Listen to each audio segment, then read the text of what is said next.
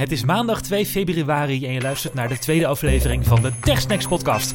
Mijn naam is Raymond Mens en tegenover mij zit Maarten van Woerkom. In 40 minuten loodsen wij je langs vier tech-onderwerpen. Dit is TechSnacks, de enige tech-podcast op heerlijk snackformaat. Welkom!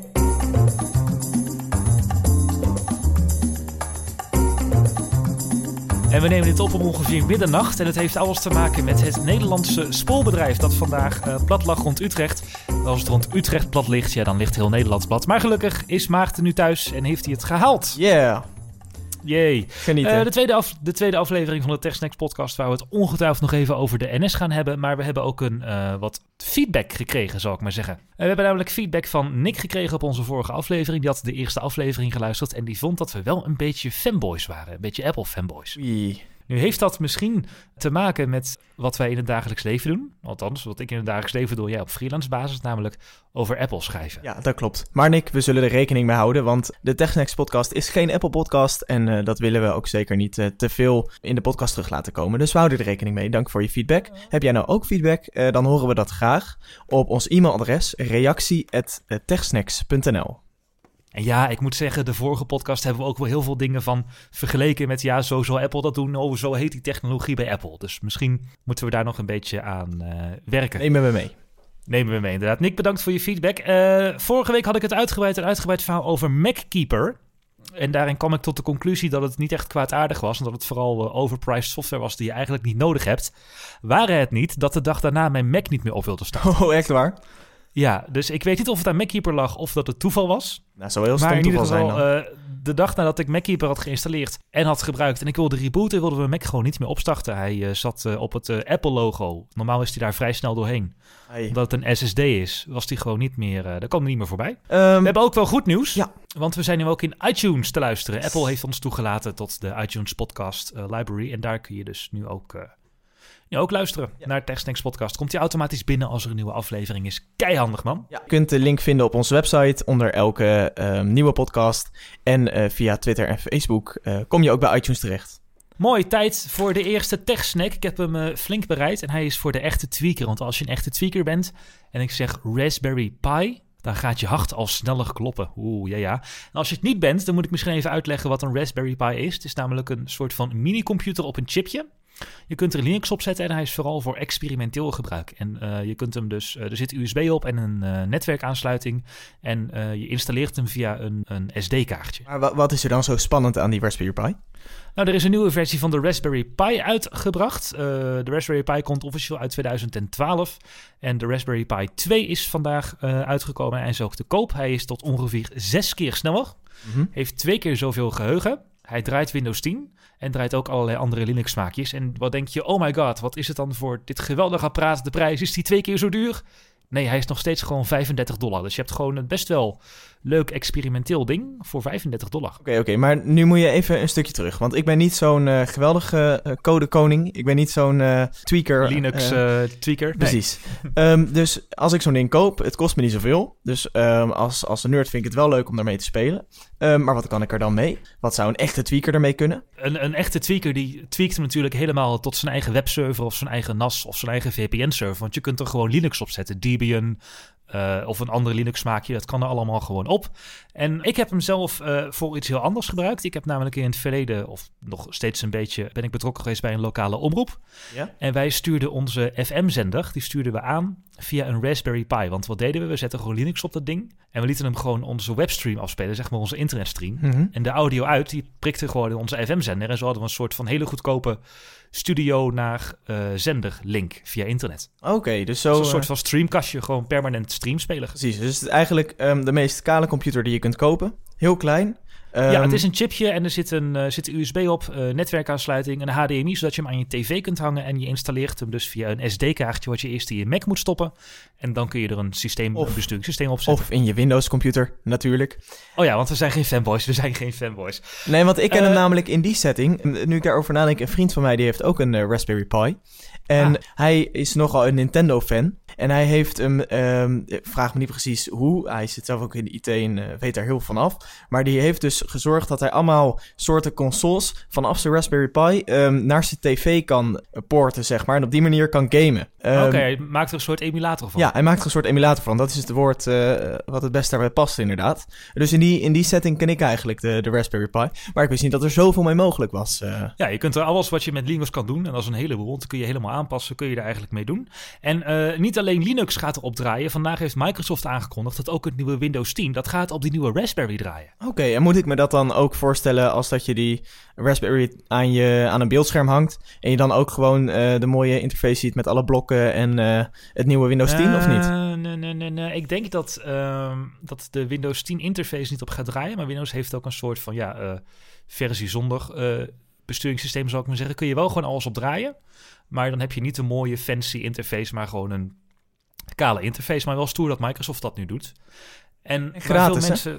Ja, het is gratis inderdaad. Heel Windows 10 is gratis en free voor iedereen en experimenteer Ja, wat je wil. Precies, ik begreep wel dat je voor ehm, de versie voor je Raspberry Pi... je moest aanmelden bij het eh, Microsoft Developers eh, Portal. Maar Ja. het was nog steeds helemaal gratis en dan eh, kan je ermee aan de slag. Heb jij voorbeelden wat je er dan met, met Windows 10 op je Raspberry Pi zou kunnen doen? Met Windows 10 niet, maar er is vandaag toevallig wel een interessant voorbeeld opgekomen waar je zo'n nieuwe krachtige Raspberry best voor zou kunnen gebruiken. Namelijk als mediacenter, XBMC, misschien zegt je wat, Kodi. Nee, nee, gaat niet Dus meteen een lampje branden. mensen die niet zo into Netflix zijn, Oh, is een eh, mediacenter pakket voor niet-Netflix-generatie, zou ik maar zeggen. Waarmee je gewoon bestanden vanaf je NAS of bestanden vanaf, het, eh, vanaf een andere locatie kunt streamen. Ja? En ehm, dat zoekt ook automatisch een mooi hoesje erbij bij een film en de, loca en de acteurs op, et cetera. En dat draaide eerst op een Apple TV 2 die je kon jailbreken. Ja. Maar de eh, ondersteuning voor de Apple TV 2 van XBMC Kodi, die is vandaag gestopt omdat het een te oud apparaat is en het gewoon niet meer te doen is. Maar als je gewoon zo'n Raspberry koopt en je downloadt de image voor eh, XBMC, dan heb je weer gewoon een Vonkel Hagel nieuw Media Center, wat gewoon lekker HD uit, af kan spelen en wat weer jaren mee kan. Kijk, want dat is dan wel eh, interessant. Want dat, dat is helemaal gratis dan?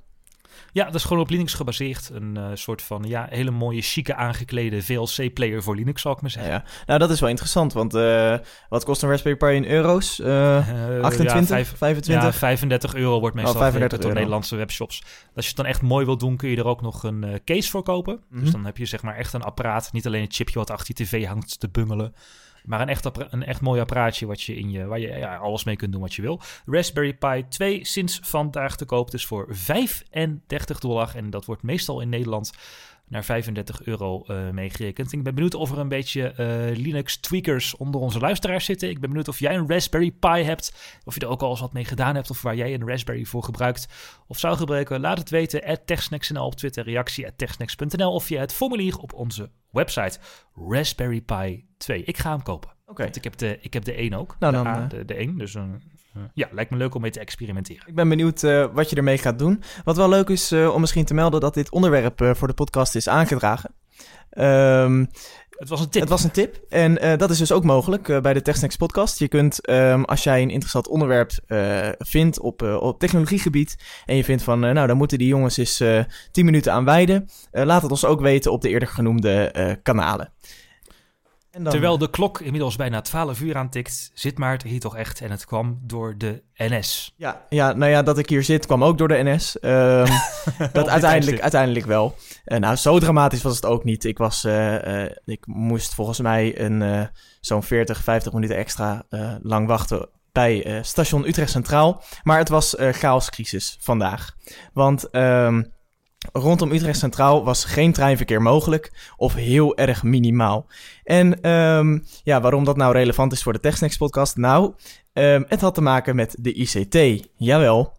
Ehm, Goh. het, was weer, eh, het was weer raak. Ehm, 22 januari, zeg ik uit mijn hoofd, was er ook een ICT-storing. Het had te maken eh, dat de verkeersleidingspost in Utrecht uitviel. Specifiek was het dat de verkeersleidingspost zonder stroom kwam te staan. Dat heeft eh, Wim Knopperts verteld. Eh, dat is, eh, die is van ProRail. En die vertelde dat om kwart over acht vanochtend ehm, de computers allemaal uitvielen door een stroomstoring. En Oh ehm, ook niet meer aangingen. Maar gelukkig, en dat heeft hij in het uh, interview met NRCQ um, wel twee of drie keer um, benadrukt, dat de ProRail en NS een backup systeem state-of-the-art technologie hebben, wat dit automatisch over kan nemen. Nou. Oh, dus eigenlijk had het hele treinverkeer helemaal niet plat gehoeven. Nee. Want het backup systeem zou het Er is een state-of-the-art backup systeem. Prachtig, mooi. Het werkt alleen niet. Dat was een beetje oh. jammer. Na 20 minuten werd het, uh, het regelen wel overgenomen. Ik bedoel, ik uh, kan me voorstellen dat er ontzettend veel Um, geregeld moet worden om die treinen in Nederland uh, te laten rijden. We hebben immers het drukste spoorwegennet van heel Europa. Um, maar dan nog, het, backup systeem zou alles kunnen overpakken. Alleen kon het niet overweg met uh, de hoeveelheid data. En dat vond ik zo'n ontzettende drogreden. Want um, het was dat er, er was dus, uh, viel wat uit. En daar hebben we dan een backup systeem, um, wat, wat het echt helemaal goed doet, hebben we daarvoor aangelegd. Alleen kon de hoeveelheid data niet heen en weer. En je zou je toch kunnen afvragen of dat anno 2015 nog wel kan. En, um, nou ja, volgens mij kun je anno 2015 gewoon een gigabit ethernetlijn ja. huren bij een datacenter. En daar alles overpompen wat je maar wil. Maar misschien lag het ergens anders aan. Maar sowieso vraag ik me dan af, als de stroom uitvalt, staat er dan geen noodstroom of geen aggregaat of UPS'en bij het... Uh, het hoofdsysteem. Ja, blijkbaar niet dus. Maar goed, wij, wij zijn niet de enige die hier uh, vraagtekens bij zetten. Want ook uh, de Tweede Kamer kwam met een reactie. En toen moest ik toch wel heel erg hard lachen. Want uh, de tweede reactie van de Tweede Kamer is waarom de ICT bij de NS en ProRail nou niet geregeld is. En toen moest ik even denken aan uh, wat de voorzitter, voorzitster uh, van de Tweede Kamer een tijdje terug zei toen de Tweede Kamer op de vingers werd getikt over uh, de staat van de ICT. Van de overheid zelf? Van de overheid zelf. Toen kwam de voorzitter van de Tweede Kamer, Anoushka van Miltenburg, met deze reactie. Om heel eerlijk te zijn, heb ik zelfs even moeten googlen waar dat ICT nu eigenlijk voor staat. Ze heeft even moeten googlen waar dat, dat ICT nu eigenlijk voor staat. Ja, het is, uh, is gênant voor woorden bijna. Um, na rondvraag van de NOS daar uh, op 22 oktober, zeg ik uit mijn hoofd, 2013, um, bleek dat heel veel Kamerleden niet wisten waarvoor ICT stond. En, uh, maar goed, het was heel belangrijk en heel naar. Um, de commissie Elias heeft toen uh, verteld dat de uh, overheid tussen de 1 en 5 miljard, het was een veilige schatting, Um, tussen de 1... Relatief bedragje hoor. Relatief ja, ja, ja. bedragje. Tussen de 1 en de 5 miljard weggooit per jaar aan mislukte ICT-projecten. En dat ze niet eens um, de, de, de budget in, het, in de hand hebben. Maar dat ze ook vaak niet de uitkomst van het project uh, in de hand hebben. Dus waar het eigenlijk heen gaat. En ja, eigenlijk ook niet zo goed weten wat het allemaal doet en waarvoor het handig is. Het is dus okay. uh, verschrikkelijk. En toen kwamen ze met een, uh, een bureau uh, waar, dat, dat hier toezicht op moet gaan houden. En dat had de geweldige Donald Duck-achtige naam BIT. Bureau ICT-toetsing. Enfin, dat weet iedereen. inmiddels was veel in het nieuws geweest toen ook. En um, nou ja, dan, dan rijst bij mij toch wel de vraag... als de NS het niet voor elkaar kan krijgen... als de overheid het zelfs niet voor elkaar kan krijgen... Um, waarom kunnen dit soort ontzettend grote instanties geen goed werkende ICT realiseren? Heb jij een idee? De um, inrichter en de, um, de inrichter en de ontwerper van het systeem is niet de gebruiker. En daar gaat het fout. Oké, okay, dat, dat klinkt mooi, maar kun je dat toelichten? Want... Nou, uh, het is vaak een enorm, denk ik dan, het is vaak vast een enorm bureaucratisch geheel waar consultants, et cetera, bij komen kijken. En die werken vanaf een soort van, ja, spec sheet, zou ik maar zeggen. Dus hè, het, gewoon het blaadje waarop staat, dit moet het doen, dat moet het doen, dat moet het doen, dat moet het kunnen. En dat wordt uitgevoerd aan de hand van een aantal consultants. Omdat het de overheid is, kan er ook nog wel wat extra's gerekend worden. En uiteindelijk wordt het volgens het blaadje opgeleverd. Maar als het dan eenmaal gebruikt moet worden, blijkt er toch met X of Y geen rekening gehouden te zijn. En dat zit volgens mij door heel de overheid wel een beetje verweven. Als je wil, heb ik nog een voorbeeld. Ja? Nou, gooi er maar in. Nou, ook zo'n geweldige website van de overheid die ook heel vaak in het nieuws is, is werk.nl. Oh ja, van het UWV, toch? Precies, ja. van het UWV. Mijn vader heeft daar uh, een tijdje mee te maken gehad. Oké. Okay.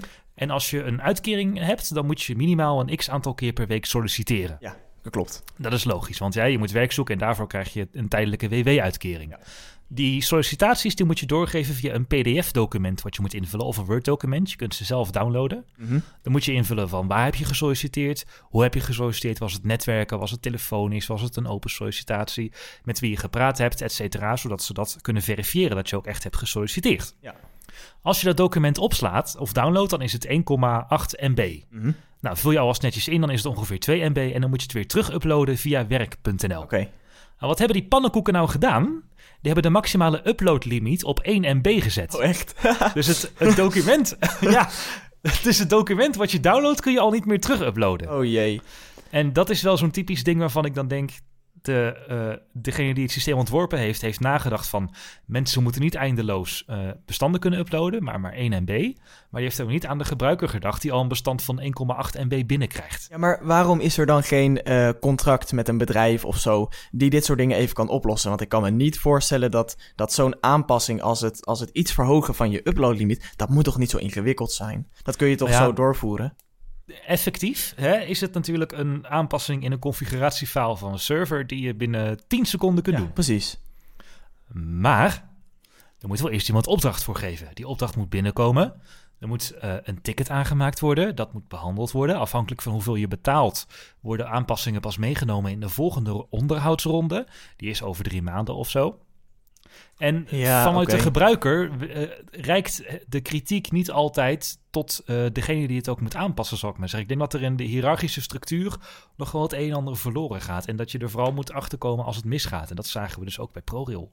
Ja, ja, dus eigenlijk ligt het probleem niet zozeer in ehm, eh, de, de machines die er staan en eh, de software die er is. Want ook daar loopt de overheid ontzettend mee achter. Maar goed, dat terzijde, die werken volgens Windows mij... XP. eh, nog steeds op Windows XP. en, dat is, en hebben ze daarvoor zelfs een contract met Microsoft afgesloten voor ik weet niet hoeveel miljoen. Om ehm, dat nog draaiende te houden en veilig te houden. Maar Ja. ehm, het ligt eigenlijk veel meer aan de bureaucratische romslomp die er omheen hangt. Ja, dat denk ik dan. Ik bedoel, ik kan geen andere reden bedenken bijvoorbeeld waarom het bij ProRail ook zo misging. Want het systeem was tien jaar geleden gebouwd, zei je? hè? Het systeem was volgens mij. ehm, ja, dat durf ik niet zo hard te zeggen. Zou ik even moeten nakijken. Ehm, maar het, het, nou ja, goed. Het was in ieder geval een, een systeem wat eh, eh, als state of the art door ProRail wordt gepositioneerd.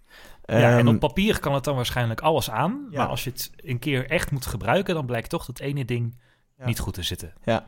Dan is het uploadlimiet van het UWV is gelukkig maar een kleine ongemak voor de gebruiker. Waardoor ik mijn paad telkens uit moet leggen. Nee, je moet hem niet opslaan. Je moet hem printen als pdf. En dan Oh, de computer voor de gek houden. En zeggen dat het maar één pagina is. En dan kun je hem wel uploaden. Ja, verschrikkelijk is dat. Nou goed, dan heb ik een eh, advies. Laten we nog even in de politiek eh, doorgoogelen. Ehm, en dan niet alleen naar de betekenis van de ICT, maar ook naar eh, hoe we dat nou eens eh, goed kunnen krijgen. Want ehm 1 tot 5 miljard weggooien en de trein niet laten rijden lijkt me toch niet eh, heel praktisch om dat vaker mee te maken.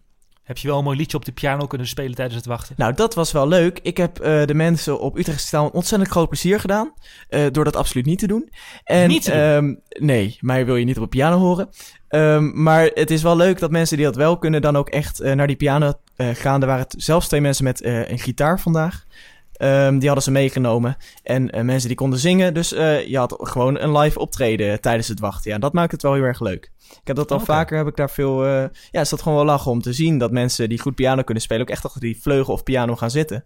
En ehm, nou ja, een beetje entertainen. En dat, ja, dat maakt het, het wachten toch een stuk minder vervelend. Ja, nou, op Twitter deed de storing bij de ENS natuurlijk ook de ronde. En wat mij daar dan weer bij opviel, is dat daar een foto werd gebruikt. Ook door heel veel, eh, bijvoorbeeld de eindredacteur van NRC Handelsblad. Die tweette ook een foto van, Hm. goede marketing dit. Eh, een foto van een NS-bocht met daarop het advies. Reizigers wordt geadviseerd om niet meer met de trein te reizen. Oei. Ja, Maar die dat blijkt toch- een foto uit 2009. Precies.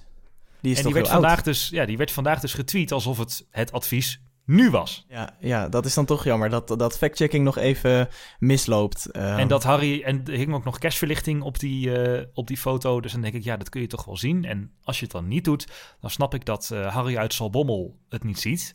Maar als de eindredacteur van NRC Handelsblad zo'n Ja. foto twittert, Ja. denk ik, nou mensen, eh, doe maar even wel checken.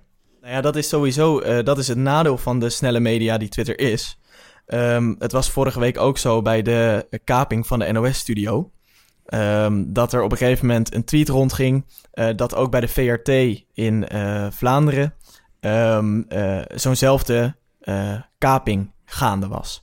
Ja. En daar werd een screenshot bij gedaan van het even geduldscherm van de VRT. Maar goed, dat bleek ook helemaal niet van nu Ja, te zijn. fake. Ja. Dat bleek ook fake te zijn. Dus dat is inderdaad dan een, een nadeel van, van de, de, de eh, snelle media als Twitter. Ja, nu, was, nu was dit natuurlijk maar een dingetje. Ja, eigenlijk nobody cares. En iedereen vindt het wel leuk om lol te maken over de NS. Maar ik dacht, nou... hm. Al Nee. moet ik zeggen dat de NS op Twitter echt ontzettend eh, goed werk doet. Ze zijn ehm, ontzettend snel met reageren op je tweets. En ehm, het is gewoon een stukje dienstverlening, dienstverlening die ze zelfs op het, op het perron niet kunnen geven. Want eh, ik sprak mensen op, op Centraal, die hadden geen informatie. Ehm, maar de, de he- he- helpdesk online, de webcare, die kon eh, me meer vertellen dan dat de mensen op de grond wisten. We moeten eens een hele aflevering wijden aan webcare. Of een segmentje aan webcare. Lijkt me lachen. Ja, gaan we, gaan we niet doen. Nee, want je had het al even over muziek. En Ja, Ehm, nou is het de laatste tijd in om hele dure eh, koptelefoons te kopen en hele dure oortjes, omdat de kwaliteit beter zou zijn. Maar Precies. we luisteren nog de steeds Beats. allemaal eh, naar mp3'tjes op de computer. Ja. En dat is En toch niet dacht, optimaal. eh, daar dacht Bono wet op te vinden met zijn Pono. Oh nee, Nee. de Pono was van, niet van Pono, maar van Neil Young. Het rijmt leuk, maar het is niet van Bono. Ja. Het is een eh, initiatief van Neil Young, inderdaad. Ja, een eh music player die het echte geluid, alsof je een plaat afspeelt, weer terugbrengt. Dat was de belofte. Ehm, een soort van iPod, maar dan voor audiofielen. Dus met HD-audio die geen gecomprimeerde mp3'tjes of eh M4'tjes laat horen. Maar echt de ongecomprimeerde audio zoals de artiest het bedoeld heeft, zal ik maar zeggen. Zoals het uit de studio komt. Ja, het is dus ook echt een, een muziekspeler. Het is echt een muziekspeler, een iPod voor audiofielen. Eh, ongecomprimeerde audio, de Pono van Neil Young. Op Kickstarter heeft hij een jaar geleden gestaan. Daar moest hij eigenlijk 8 ton ophalen, maar hij haalde schrik niet 6 miljoen dollar op. Oei.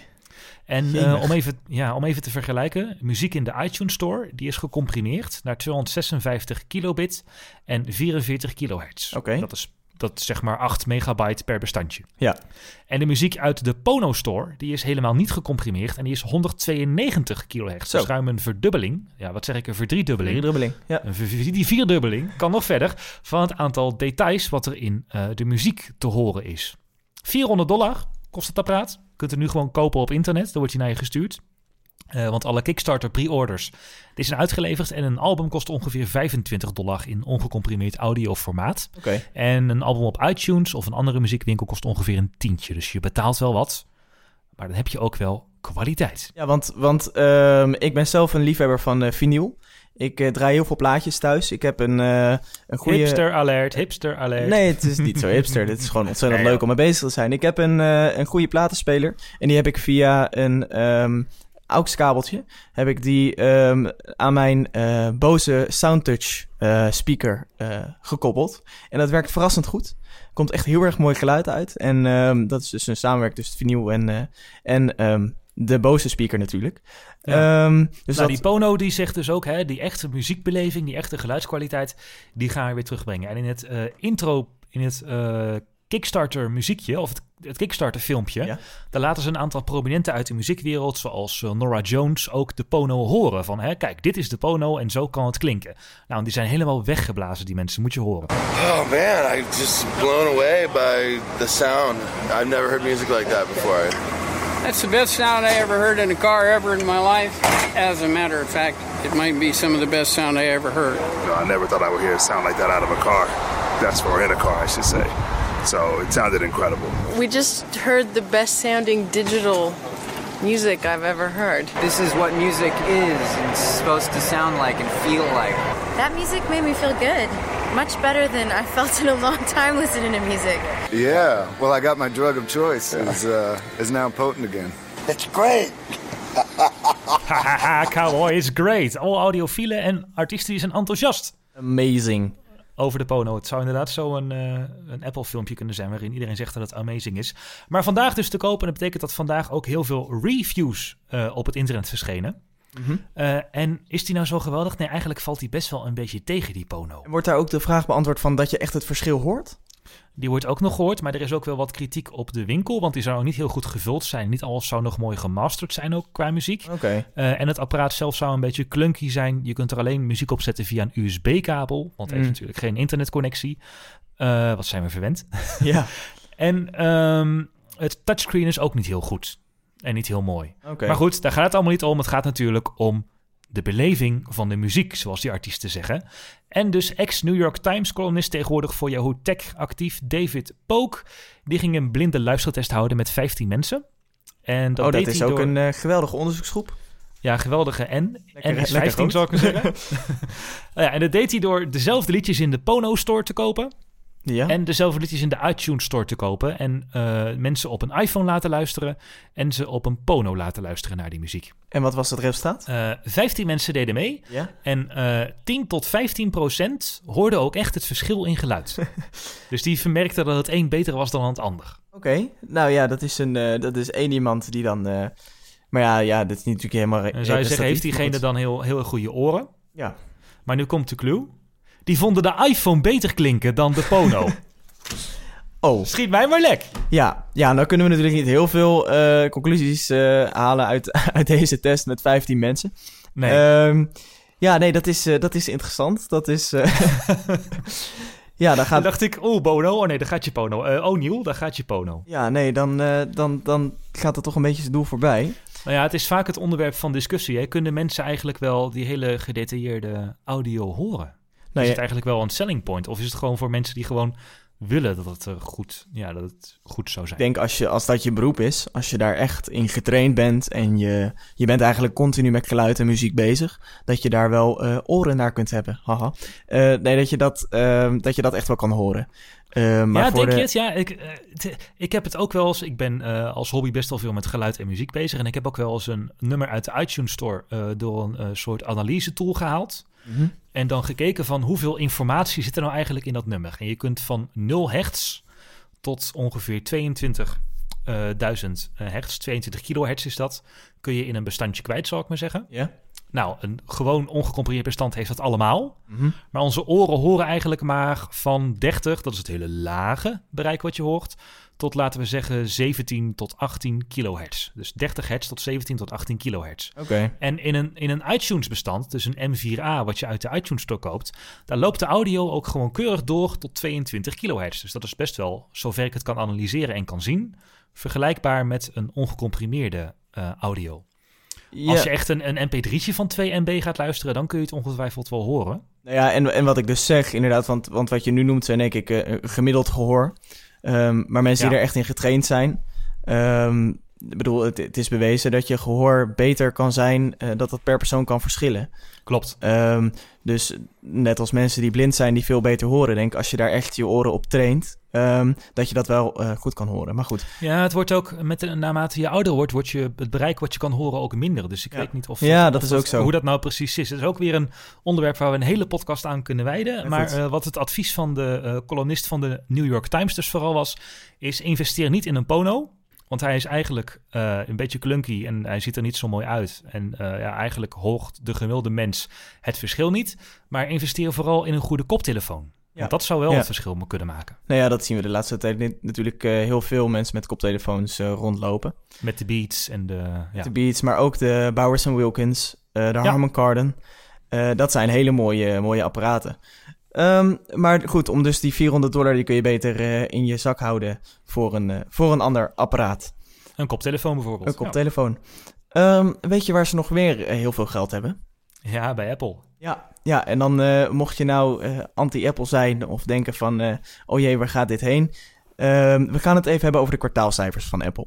Dus Ehm, als je het niet wil horen, 10 minuten vooruitspoelen. Dan gaan we het namelijk hebben over hele leuke apps. Maar we gaan het eerst hebben over de kwartaalcijfers van Apple. Het is namelijk zo dat Apple ehm, de beste kwartaalcijfers ooit heeft eh, kunnen presenteren vorige week. Boom. Ehm, en dat, dat is, eh, nou ja, goed, echt overtuigend. Want eh, ze hadden 18 miljard dollar winst. eh 74,6 miljard dollar omzet. En dat is 27% hoger dan vorig jaar. In hetzelfde kwartaal. hetzelfde dus ook al kwartaal. het feestdagenkwartaal. Ja, want vergis je niet, het eerste kwartaal van 2015, dat is in gewoon kalenderjaren het laatste kwartaal van 2014. Ja, Ehm, met de feestdagen. Dus we hebben het inderdaad over de kerst en oud en nieuw en eh et cetera, Sinterklaas.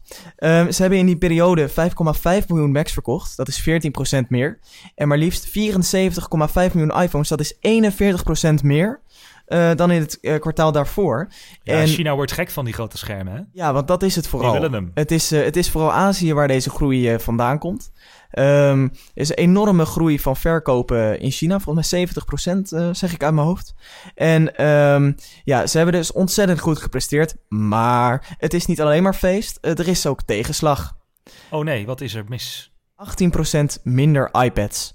Die trend eh, zet zich inderdaad voor. En er zijn zelfs geen cijfers meer over de iPod ehm, beschikbaar gesteld. Want die wordt zo weinig verkocht, dat is niet meer het moeite waard. Dus is het schip dan toch misschien zinkende? Het Apple-schip is altijd zinkende. Dat vond ook een analist die op de Forbes-website schreef. Het houdt niet op, niet vanzelf.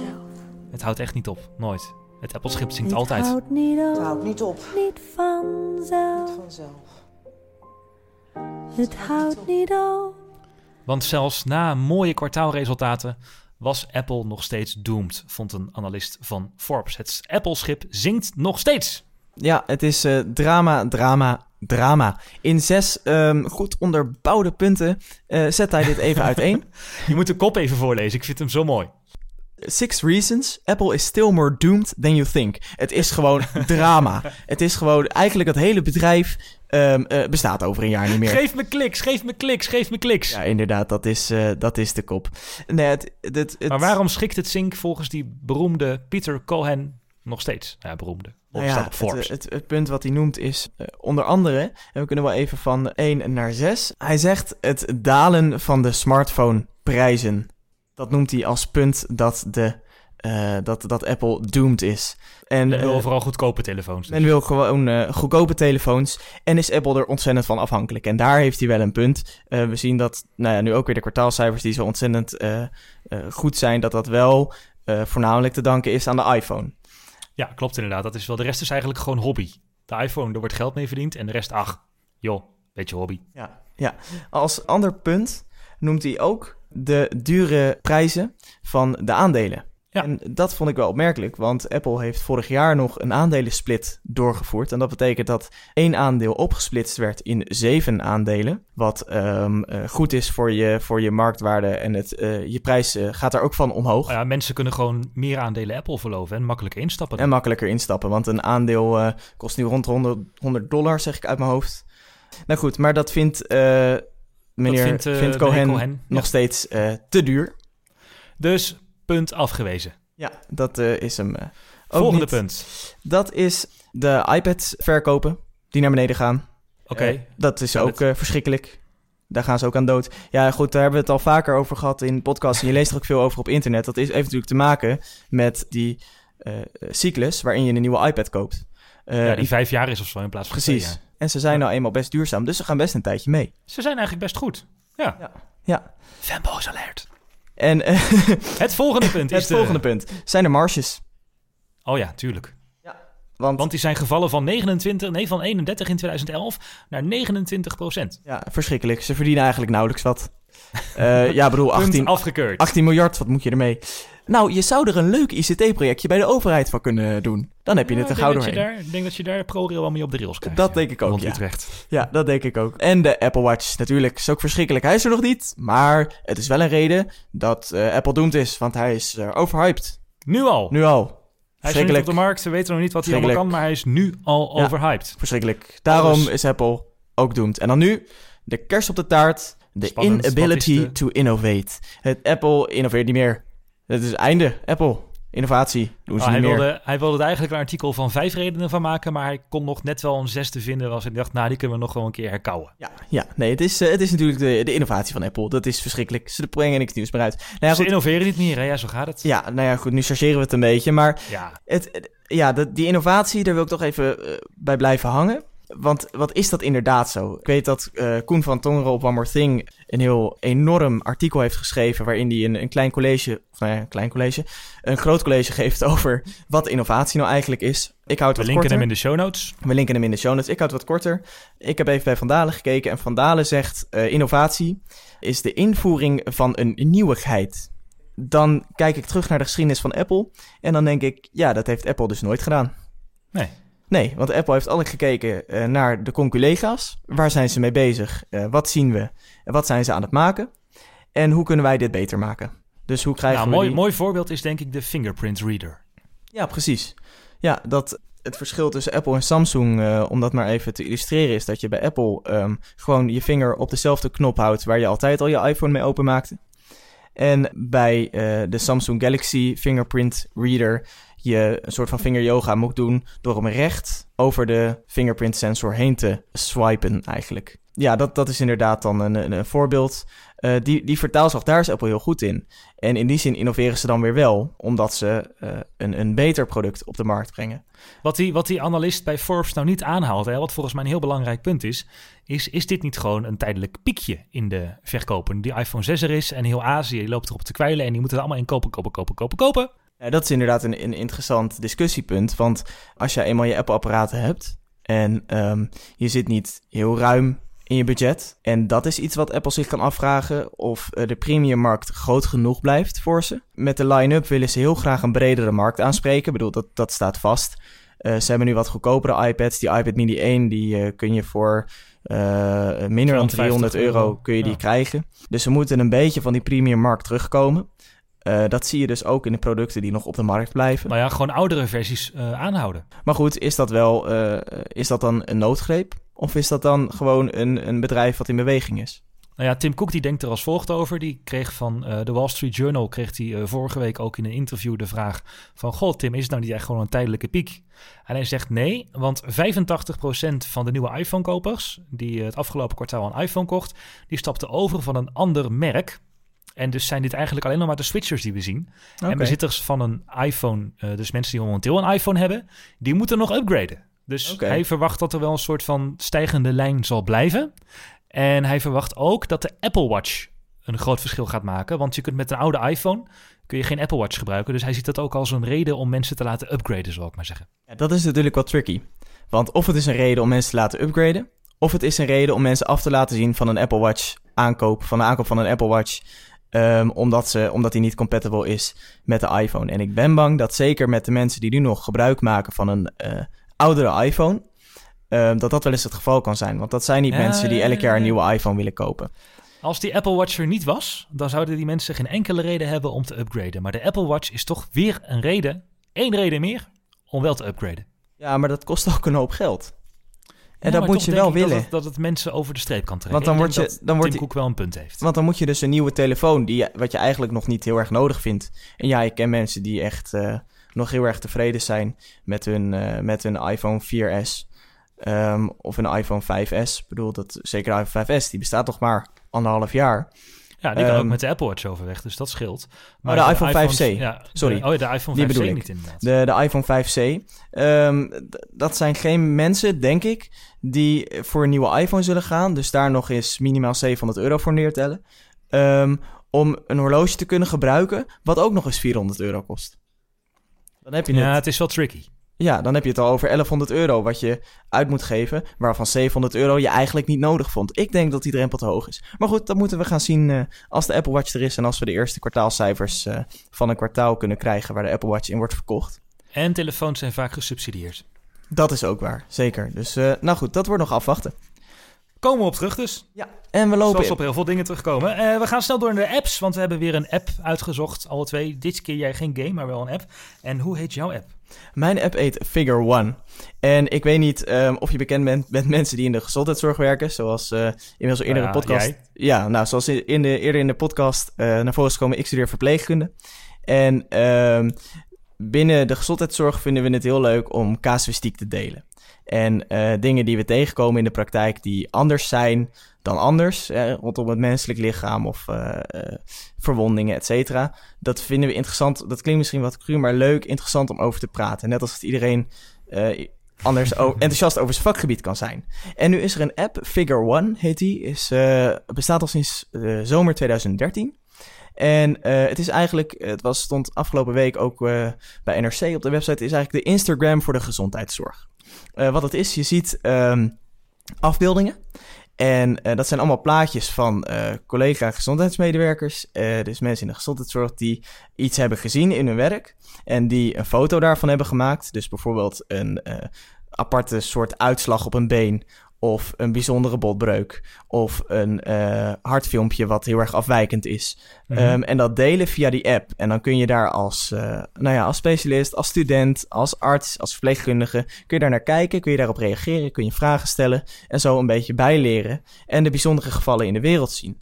Ehm, het is een hele interessante app, omdat het heel veel informatie ik zit meebrengt. even te kijken. Ik ben blij dat ik een pizza al wel eerder heb gegeten. Ja, als je geen hele sterke maag hebt, zou ik je die niet aan wagen.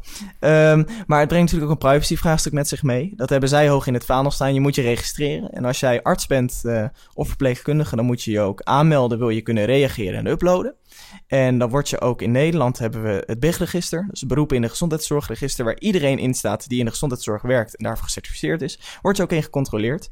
Ehm, en je moet, ehm, moet je altijd, als je iets uploadt, moet je altijd anonimiseren. Dus ehm, er moet, mogen geen tattoos, eh, geen gezichtskenmerken, mogen allemaal niet zichtbaar zijn. En dat is ook heel goed, want je hebt natuurlijk te maken met de privacy van je patiënt. En ehm, eigenlijk behoor je het ook te vragen voordat je een foto daarop publiceert. Eh, moet je even Ja, toestemming dus hebben van je patiënt. dokter, als mijn dokter de volgende keer eh, tegen mij vraagt... mag ik een foto nemen om hem op, op, op Instagram... nee, op de, de Instagram voor dokters te zetten... dan moet ik daar eerst toestemming voor geven voordat hij het überhaupt mag. Ja, ik weet niet of dat officieel of je dat moet. Ehm, het is wel eh, netjes als hij het vraagt. Dat behoort hij eigenlijk gewoon te doen. En dan kun jij zelf bedenken of je dat wil of niet. Ehm, het is, eh, de meerwaarde ervan is dat je met een hele grote groep ehm, professionals kan kijken naar een situatie die niet alledaags is. En daar allemaal je lering en eh, vermaak uit kan halen. Dus uiteindelijk worden we er beter van. Nou, Letterlijk beter. Wie weet worden we er uiteindelijk letterlijk beter van. En maar goed, geen game een dus. Een app, Figure One, gratis beschikbaar. En eh, je moet je registreren eh, en een sterke maag hebben. Vooral dat laatste inderdaad, als je de screenshots op de site ook al bekijkt. Ehm, ik ga naar iets heel iets anders. Daar kun je namelijk sites mee bekijken. Dat is een nieuwe browser voor OS X, maar ook voor Windows en Linux. Hij heet Vivaldi. En dan zou je denken, oh nee, nog een browser. Ja, inderdaad, dat dacht ik wel. Nou, dit is een browser die is van de makers van de oudmakers van Opera. Dat was ooit een eh, browser die ook wel een beetje tractie had. Oh ja, ja. En die konden zich niet vinden in de weg die Opera nu inging. Dus die zijn eh, voor zichzelf begonnen, zal ik maar zeggen. En ze hebben de browser Vivaldi gemaakt. Dus het opent geen klassiek muziekstuk als je de browser installeert. Maar hij is vooral geschikt voor power users. En wat maakt Vivaldi dan uniek? Hij maakt gebruik van dezelfde render engine als Google Chrome. Dus websites zien er niet vreemd uit of zo. Ziet er allemaal goed uit. Maar hij kan heel handig met eh, groepen tabbladen omgaan. Hij rangschikt automatisch tabbladen. Dat is handig als je als professional bijvoorbeeld research aan het doen bent voor een paper of voor een bepaald artikel of voor een onderwerp. Eh, het is vooral dus een browser voor mensen die veel tabbladen hebben en die, die op een efficiënte manier willen organiseren. Oké. Eh, Vivaldi gratis download van vivaldi.com. Ik wil niet weten hoeveel ze voor dat duur domeinnaam hebben betaald.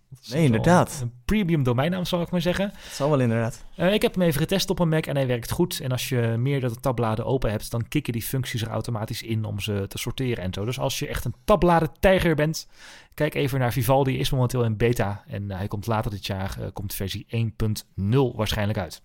Oké, Vivaldi dus. Dan zijn we aan het einde van de aflevering 2 van de TechSnacks podcast gekomen. En ehm, dan wil ik graag bedanken Ben Sound voor de in- en outro muziek. Ehm TechSnacks is dus nu ook in iTunes te vinden. Ehm, bekijk daarvoor onze website www.techsnacks.nl. Eh, wil je reageren op de uitzending, dan kan dat via reactie.techsnacks.nl of het reactieformulier op de website. Volg ons ook op Twitter, techsnacksnl.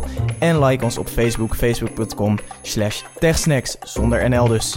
Dan zijn we er volgende week maandag weer. Tot volgende week.